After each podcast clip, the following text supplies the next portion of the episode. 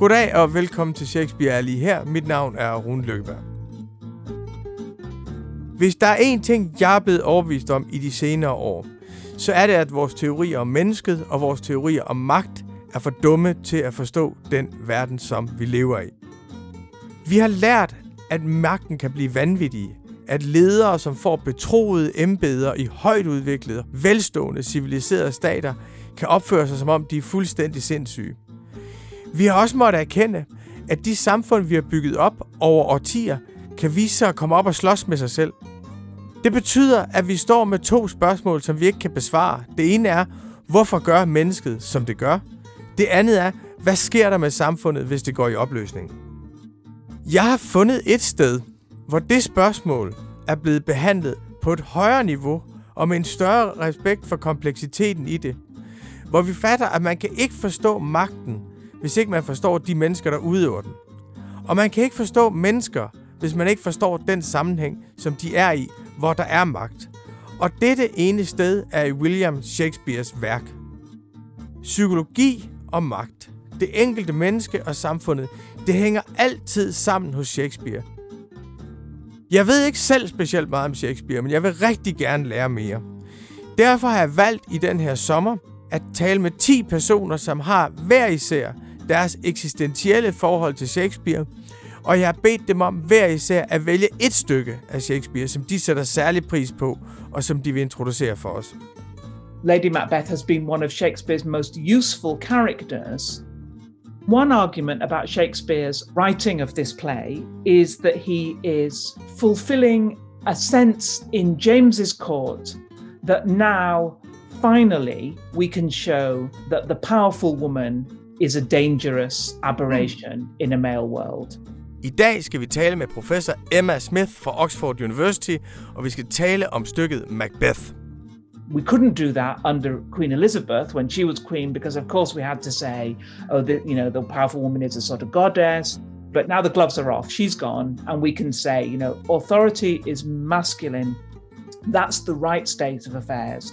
And we can have fun sort of exorcising this terrible figure of this powerful, powerful woman. Emma Smith har været en fast ledsager for mig det seneste års tid, fordi jeg har indført et ritual. Hver gang jeg har læst et stykke af Shakespeare, så synes jeg, der mangler noget. Ligesom en fornemmelse af, at det bliver virkeligt, kropsligt, fysisk, sansligt. Så derfor har jeg gået ind på Oxford Universitys hjemmeside, og så har jeg fundet Emma Smiths forelæsninger, for hun er en fantastisk Shakespeare-ekspert, der både har et blik for det, der er dramatisk eksistentielt på spil, og kan forklare os hele konteksten omkring de forskellige dramaer. I think pretty much every woman from, you know, Hillary Clinton to whoever, every powerful woman has been understood as a Lady Macbeth figure or has been caricatured as a, as a Lady Macbeth figure. It's a character that we still we still want culturally. Og jeg vil rigtig, rigtig gerne have, at hun talte om det stykke, jeg måske allerbedst kan lide, nemlig Macbeth. Emma, what was your first encounter with William Shakespeare? Well, I guess like most English school children, we had to do Shakespeare at school. I can't say I really liked it. I did not have a light bulb moment. And in fact, I don't meet very many people who say uh, they, you know, they were turned on to Shakespeare at school. We read Twelfth Night, which is a play I, I, I now love, round the class with Mr. Taylor, our teacher. Uh, we none of us could really understand any of it. We certainly couldn't understand the jokes. It took forever. It was just it was very boring. So that that's quite a bad start really. Um, and it was only quite a lot quite a lot later. Um, i did english literature at university. Uh, i studied lots of different writers. And i think shakespeare spoke to me then because I suppose because for a for an academic like me, someone who works in a university, there is a foot that Shakespeare has outside the university. I mean, in theatres, in more general cultural life. And that was important to me because that phrase about the ivory tower that's that's always haunted me through my through my career um, and i haven't wanted to be a shut away sort of specialist and shakespeare's been a great thing for me because you can't possibly know everything you really can't but you can have really great conversations with actors, with stage managers, with theatre goers, with children at schools, you know, with all kinds of people. And that's that's been great for me. So how much is that dialogue with the world outside the ivory tower? How much has that been part of your research and your study of Shakespeare? Well, that's been a big part of what I've done with Shakespeare and where where I've found a conversation which links research to a wider audience.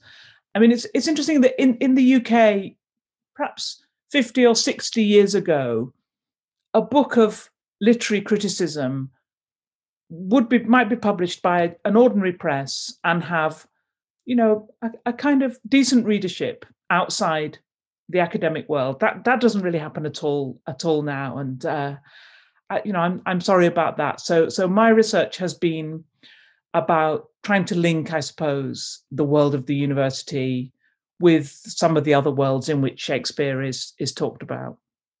How, how did your perception of his work change over the years as you became more and more involved and reread the plays and saw them a- hmm. acted again?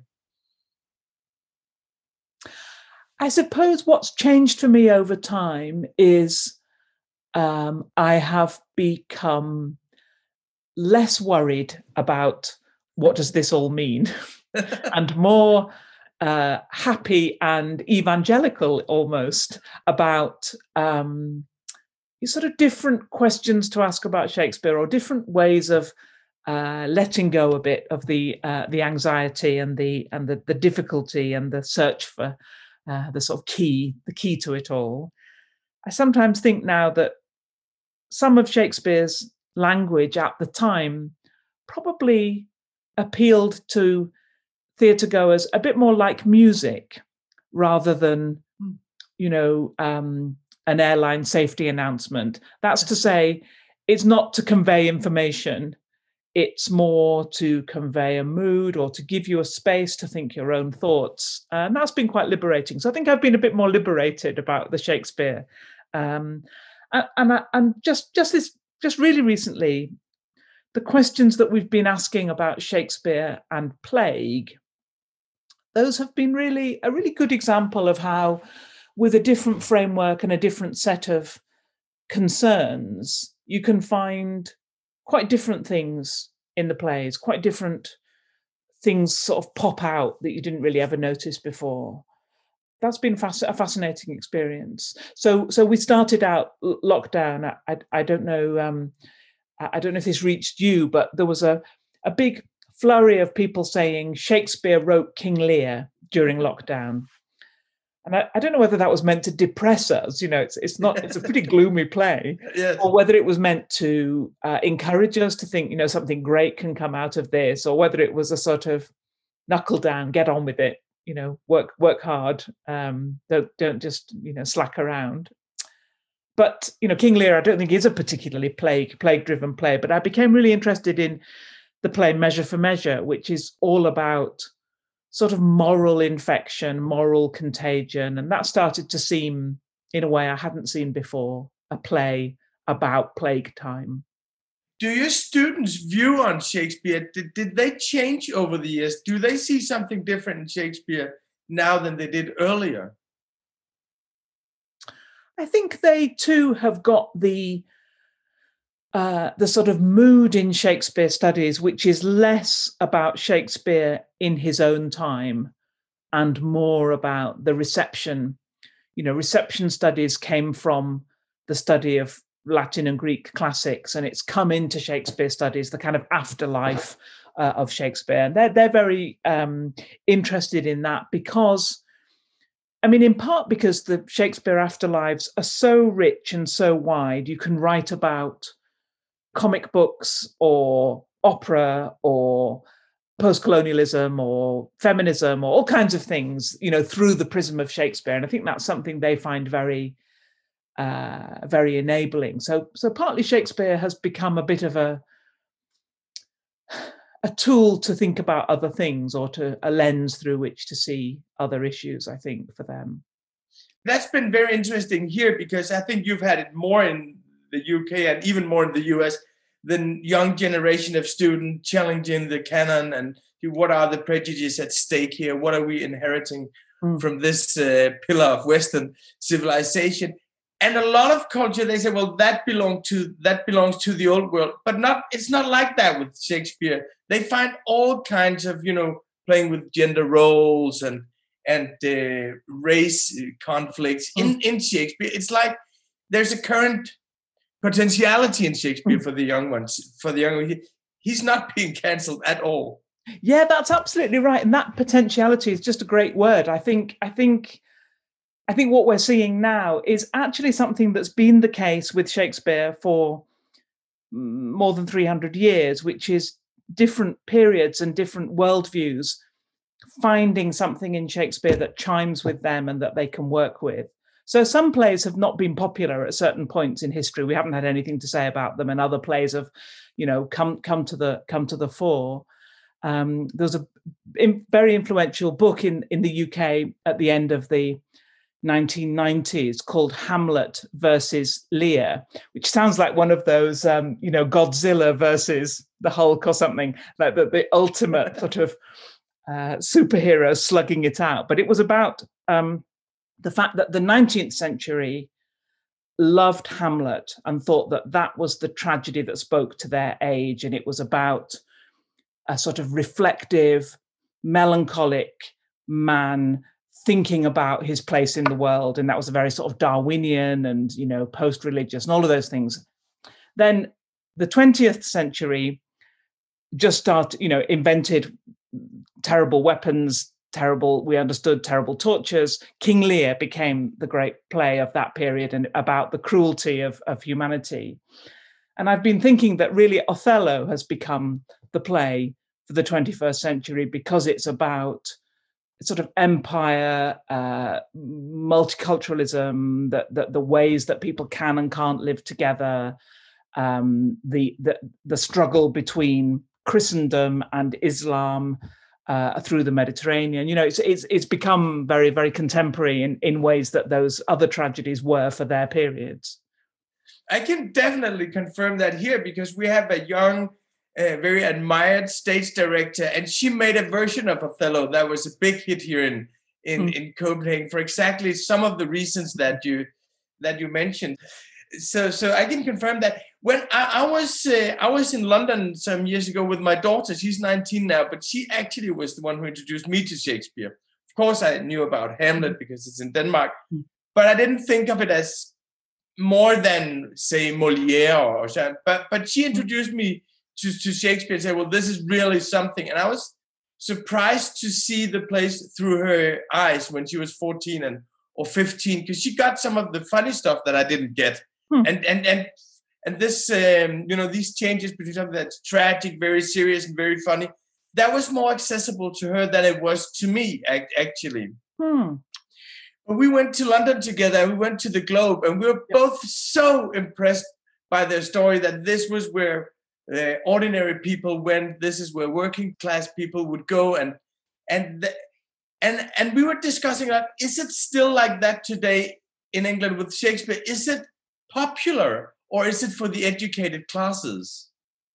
I think the Globe is doing a really good job in bringing in school groups, local community groups, you know, trying to be a more community theatre. But and and all our Shakespeare theatres are trying are trying to do that, but they're pushing against um, a sense that actually Shakespeare is for the middle classes, for the educated, and in fact, almost all theatre is in the UK or is perceived to be, other than perhaps musicals, yes. musical theatre, uh, and the pantomime, the Christmas tradition. Uh, is is often when a wider demographic will go to the theatre over Christmas with children, uh, but yeah, our theatres are very, I think, often nostalgic for the for the Shakespeare for, for the idea of the Shakespearean theatre, where you got um, a, an appreciative and mixed uh, audience. I mean, it tells you something. I think that our the Royal Shakespeare Theatre is a heavily subsidised public theatre. I mean, you can't make ends meet. You can't you can't break even if you perform Shakespeare. is, what is the, the public status of Shakespeare to today? Is he considered the greatest author and playwright in British history, and he's widely appreciated? Like you know, in Denmark, there's a lot of people, including myself, who don't really like Søren Kierkegaard. You know, be, because he's just he's a fanatic. He's too radical. He doesn't like the the pleasures of human beings. Hmm. Uh, but people really like Søren Kierkegaard. You know, maybe it's because we're a small country. They like him because he's a great Dane. Mm. Uh, how, how is William Shakespeare considered in, yeah. in, England? I think I think you're I think something similar. They Shakespeare is seen as a great British figure.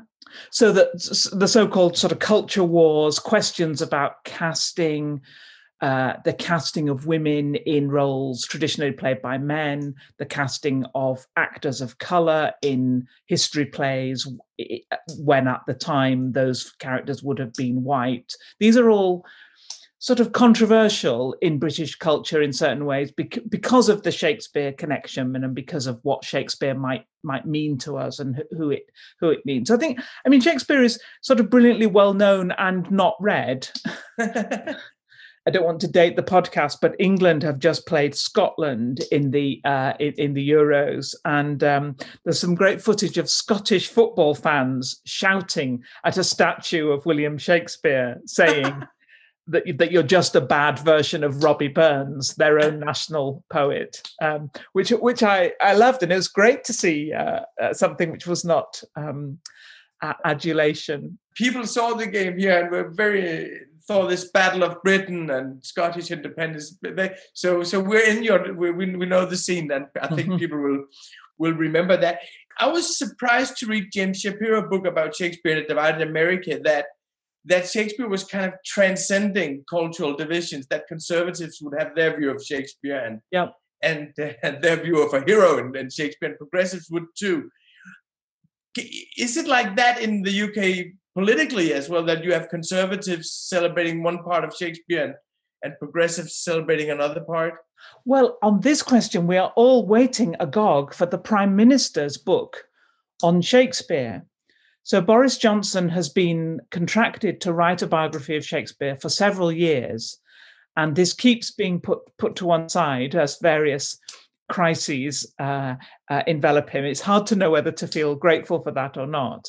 But that's a really interesting. Um, uh, you know, Johnson's previous book was about Winston Churchill, and there's a suggestion that you know that the that the the Shakespeare he will be interested in is a similar figure to the Churchill he is interested in, uh, and that may be a shout out for the uh, for the conservatives on Shakespeare. I mean, partly because academic life, the, the theatre world tends towards uh, the liberal. Uh, I think most Shakespeare, most sort of modern iterations of Shakespeare tend to be from the left rather than from the right.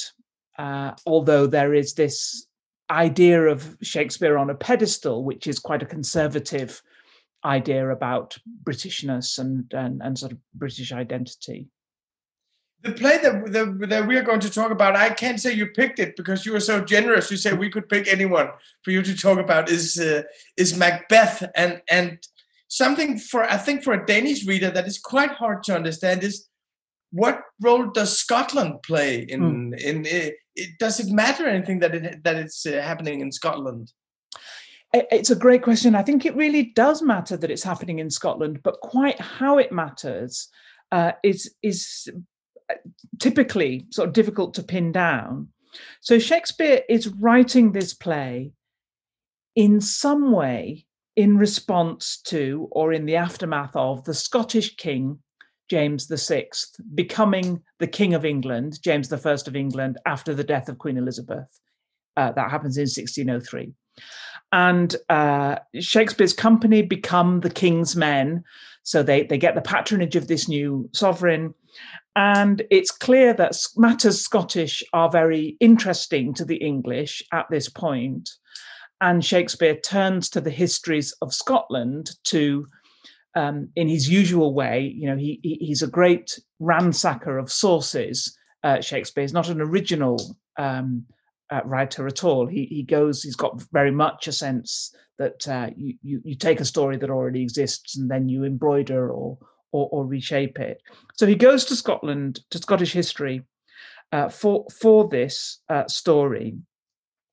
Um, some people feel that it's it, it's uh, in uh, in some way in praise of James or or uh, for James's um, uh, own enjoyment. I wonder. I mean, I think the picture of Scotland that emerges from the play is a very dark and, I mean, um, uh, sort of morally dark, bad weather, um, uh, bad, you know, sort of bad, bad behavior, bad public life. Uh, the English king, who doesn't appear in the play but is talked about, is a saintly person who sends the sort of liberating army. Uh, so it seems, although it's about Scotland, that the um, uh, that the English are the saviours of Scotland, rather than sort of the other way around, as James's accession to the throne was. And Shakespeare's also whitewashed a little bit of Scottish history. James um, traced his own ancestry uh, to one of the characters in the play, Banquo, and in, in the historical record, Banquo is the accomplice of Macbeth. He, he the two of them mm. commit the crimes together, and then, like all um, criminal duos, they they fall out, and and, uh, and Macbeth kills Banquo. But in the start, they're partners, and Shakespeare obviously doesn't want James's forefather to be tainted in that way, so he makes Banquo in, innocent of of all of Macbeth's uh, crime. So there's definitely something going on about uh, King James and the immediate situation. But there's also another, there's an, um, I mean, I don't tend to think Shakespeare's plays are mostly historical or mostly understood historically, but I think Macbeth is quite interestingly topical. Um, partly because of that association with James, and partly to, uh, in its association with a very famous event in in British history, which is called the Gunpowder Plot, the attempt to assassinate King James in Parliament by blowing it up, the attempt by Catholics. Uh, and we still we still sort of celebrate in a way that uh, event with Bonfire Night, the fifth of November, when um, effigies of Guy Guy Fawkes are burned, still burned. Um, I think there's there's a really interesting way in which Macbeth picks up that moment of what we would now call domestic terrorism or terror and thinks what, what what's it like to live in a in, in a realm of terror? But also more challengingly in a way what's it like to be the man who kills the king? And it, it, i don't think shakespeare tries so that, so that's what macbeth does. He kills he kills the rightful king duncan. And uh, shakespeare never tries to explain that away or but he does he is interested in thinking what what does it feel like to have done that just to get the facts straight macbeth is uh, shakespeare's shortest play. The storyline is quite simple. Macbeth is a brave scottish general. He returns from war he's crushed a rebellion and he expects to be welcomed as a hero. But on his way back from war he stumbles upon three witches. The three witches they make a prediction. They say he shall be king one day. Macbeth never thought of himself as a king. He, he thought of himself as a loyal soldier, as someone defending the throne, as someone absolutely subjected to King Duncan. So this is not his ambition, but it becomes his temptation. He's very much afraid by the prediction and he's shocked by what the witches told him, but he cannot let go of it. So he tells his wife, Lady Macbeth, about the prediction. Lady Macbeth, she says he must do it. She says he's not a man if he does not grab the throne. She says she cannot love him if he does not fulfill his, his ambition. So, so together they plot the assassination of the king and they go through with it. They become king and queen. But after that, they become absolutely paranoid those people that used to be their friends, they are now considered potential enemies. So Lady Macbeth becomes mad and walks in her sleep and talks in her sleep and reveals that they actually killed King Duncan and finally she actually kills herself. Macbeth, he becomes paranoid and starts slaying people and eventually Macbeth himself is slain in, in battle and thus killed. So this is a play about what actually happens if you let yourself be tempted. There's an opening scene with the witches, and when I was uh, going to high school, that was in the Freudian period of Danish education, and everything was interpreted psychologically. And and our teacher would say, well, you should just understand the witches as, as some of his desires uh, popping up in his head, and you should reduce everything to psychology. And I think that's been a leading interpretation of the witches, but it's also quite a poor interpretation of the witches. How should we understand the witches in, in your view? I think it's a great question. I mean, I, I think that the idea that Shakespeare might be experimenting with ways of understanding and showing the, the, the psyche, the internal psyche, and that he has one way of experimenting, which is the the soliloquy, the monologue, the the kind of um, the speech which in which thoughts are being born and uh, worked through, which is which is a real feature of Macbeth. We get soliloquies not like Hamlet's soliloquies, which are more public and poetic. We get these really difficult, overwrought, unresolved speeches from Macbeth, which which seem to express his inner thoughts. So that might be one way that you show what's going on in, inside. And the idea that you might have some characters who are apparently external to the character, but really should be understood as internal. I think is not is, is not necessarily is not necessarily wrong, and it maybe is helpful to us in the modern period because the image of three witches round a cauldron has become a cliche that certainly doesn't frighten us anymore. Um, and maybe you know if this is meant to be frightening, uh, we need to do something different. So I think I think modern performances of of Macbeth if they're trying to recover the the, the eeriness or the, the strangeness of the witches, um, have tended in, in, in Britain to cast them as children. Hmm. So they're drawing on the kind of uh, horror film, a, a kind of horror film aesthetic in which partly innocent and partly knowing children chanting are rather terrifying creatures. They seem on a sort of threshold between between this world and, and another world. So i think that's been one way of trying to understand the witches as um, not completely uh, cliched figures but figures that still have the power to to, to unsettle us how they worked in the in shakespeare's own day i think is really really difficult to work out because by the time of macbeth certainly most people in London thought themselves a bit too sophisticated to believe in witchcraft hmm. in this old way. You know, witchcraft might be a thing that that the country people still, you know, were still going on about, but really urban people with a bit more sense of the world had had different views about why uh, w- women in particular might be pulled out from communities and accused of witchcraft, and they didn't think that it was because they were communing with the devil. So it's a good question. It's a question I sometimes ask my students: Do you, do, does Macbeth, does the play believe in witches? you know, does it does it come from a position in which witchcraft is a real thing, uh, or or is there something else going on?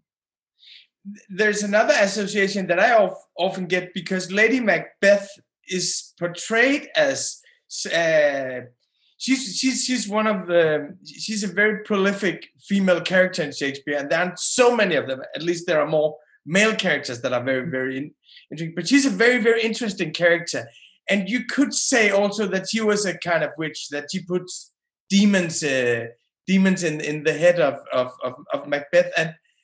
And some people here would say, I heard that, I had that discussion once that, well, this is a very interesting play because it shows that it's not just in today's world that women drive men with their ambition, ambitions on their behalf.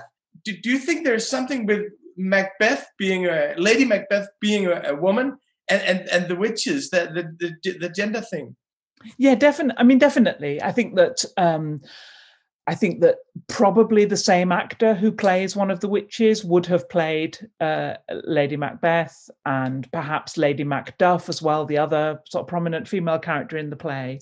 So I think that parallel is definitely there. And one argument about Shakespeare's own um, the writing of this play is that he is fulfilling a uh, a, a sense in James's court that now finally we can show that the powerful woman is is a dangerous aberration mm. in a male world we couldn't do that under Queen Elizabeth when she was queen, because of course we had to say, oh, the, you know, the powerful woman is a sort of goddess, or we're all in love with her, or you know, she's in this long history. But now, now the gloves are off. She's gone, and we can say, you know, authority is masculine that's the right state of affairs and we can have fun sort of exercising this um, this, this terrible figure of this powerful powerful woman um, I think that's, I mean, I think that's possibly there. And it's absolutely true, as you say, that um, that Lady Macbeth has been one of Shakespeare's most useful characters. Uh, I think pretty much every woman from, you know, Hillary Clinton to whoever every every pow- powerful woman has been understood as a lady macbeth figure uh, or has been caricatured as a, as a lady macbeth figure.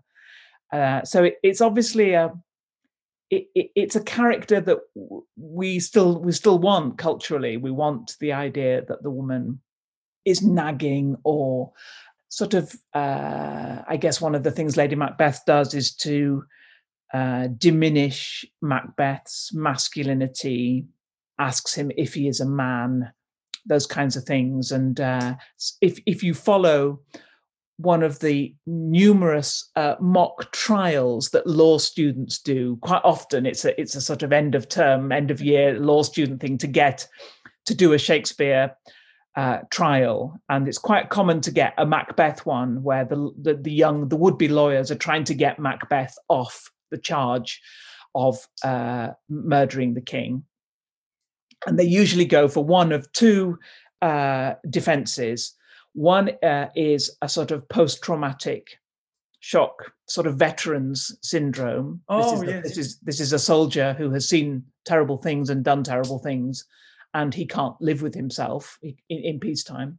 But the other is what we would call the nagging wife syndrome, uh, that that he sort of was broken by by this by this woman um, na- nagging at him. It's very interesting that it plays into that whole narrative, uh, this anti-feminist narrative. Mm. There's also a very strong conception of what it means to be a man in in in Macbeth, and it's explicitly stated several times. Uh, what what is the conception of being a man that he has to live up to?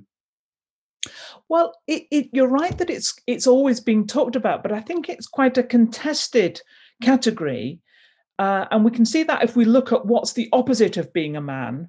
Sometimes the opposite is being an animal, so being a beast, Hmm. and sometimes the opposite is being womanish or if effeminized or something.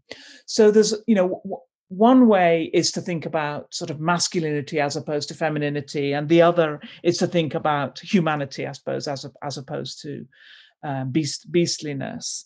And these are all in play. So there's one moment where um, the character of Macduff, whose family has been murdered by Macbeth, is told he's he's told this awful news, and one of the characters says to him, you know, take it like a man and he says he's and he's crying and he says but i must also feel it like a man.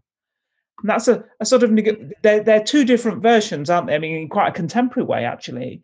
One is a sort of old fashioned you know stiff upper lip men don't cry kind of thing.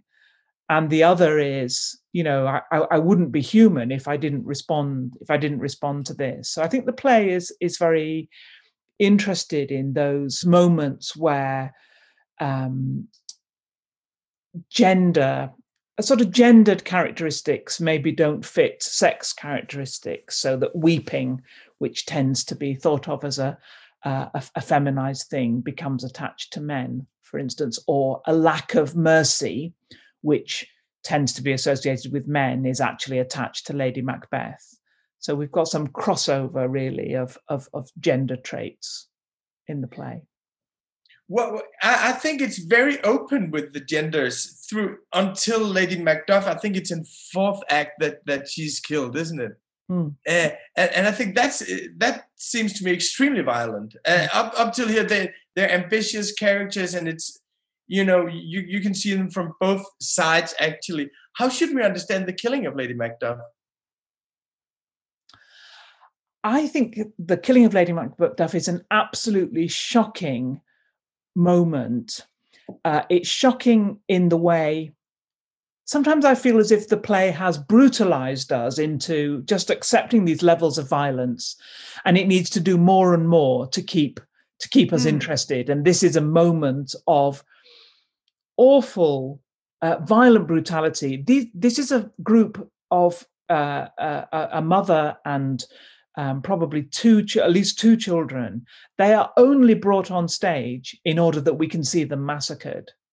We've never seen them before, and we only see them for this one scene. I mean, it's a very sick piece of theatre to bring to, to, to, bring them on, and and and uh, we already know that Macbeth has ordered that they should be killed. So as soon as we meet them, we are sort of complicit in this awful moment that they're going to be hacked to pieces before our eyes. And I think um, one of the things I think is so challenging about the play is what it says about our capacity for violence in in our entertainment, which is again still a very a very current and pressing uh, idea. You know, what what is there is is there such a thing as gratuitous violence? What would is is would you say the killing of Lady Macduff is gratuitous? Uh, of course, it is gratuitous in in in in all kinds of ways, but how you know how should we respond? How should we respond to it? It also tells us though that um, no matter really whether you're a well, there's a if there's a question in the play about what makes a good man, there's also a sort of implicit question about what makes a good woman. Exactly. And Lady Macbeth is obviously not a good woman in all kinds of ways, but in one way, she absolutely is, in that she is entirely for her husband in everything he does. So she never says, hmm. um, I can't wait to be queen, so I will be ha- able to have jewels and people, everyone will do what I want. She never expresses any ambition to be queen. And nor is she like other powerful figures, female figures in, in Shakespeare. She isn't uh, sort of sexually unfaithful to Macbeth. She isn't interested in anybody else. She isn't having an affair. She isn't an adulteress. So she's a sort of perfect wife in an awful way. Whereas Lady Macduff, who is clearly morally uh, a very different figure, she is in her very few lines, she is complaining about her husband. She is saying her husband is a traitor. He should not have left them. She is, you know, talking to her children about about her husband as a as a bad man, uh, and that, you know, she, that that suggests that she, uh, in that moment, is the opposite kind of wife from from Lady Macbeth. So so lots of these sort of ethical categories get turned upside down. I think in the play, which is one of the things I find most fascinating about it and I think it's definitely one of the strengths of seeing it and seeing and reading it again that you get to notice other things and then you look back at and social reality and and you're more trained to see complexity in real life when you've when you've studied it in Shakespeare. I, I have one last question for you uh, because I ask all of you to pick a quote from the or a line from the play that that you're talking about. That is, and there are so many great lines in in Macbeth which one would you pick if you should take just one out of this play? That is, I mean, that's uh, uh, it's almost impossible to to pick, to pick one. I think um, you can pick two if you want. I can. um, I mean, Lady Macbeth saying, uh, "Screw your courage to the sticking place, will not fail," is a very powerful, very powerful line. I think Macbeth's lines at the end uh, tomorrow and tomorrow and tomorrow creeps in this petty pace from day to day. uh, this sense of futility and uh, uh, which which comes out very powerfully at the end at the end of the play. Yeah, it's a it's full of wonderful full of wonderful lines. And I love this at the end of it, which is uh, it is a tale told by an idiot, full of sound and fury, signifying nothing. Nothing. Uh, how should that line be understood? Well, it's a great it's a great moment by the playwright, isn't it, to have this figure tell us at the end of his tragedy, it's all been pointless like a play. I mean, that's a very that's a sort of double take there because because the experience of going through this in the theatre is not, I think, that to say something is like a play is to say it has no point at all but it does collapse the the moment of performance making what macbeth says as a metaphor into into reality. That's a very shakespearean uh, trait i think that that the character uses a metaphor but on the stage it's actually a reality. Det var så samtalen med vores britiske veninde Emma Smith I næste uge, der skal vi tale med en skuespiller, der har haft Shakespeare helt ind i kroppen og spillet rigtig mange roller og taget det hele med op på scenen. Det er Jens Jørgens Botak, vi taler med, og vi taler om stykket Othello. Tak fordi du lyttede med. Jeg håber, vi høres ved i næste uge.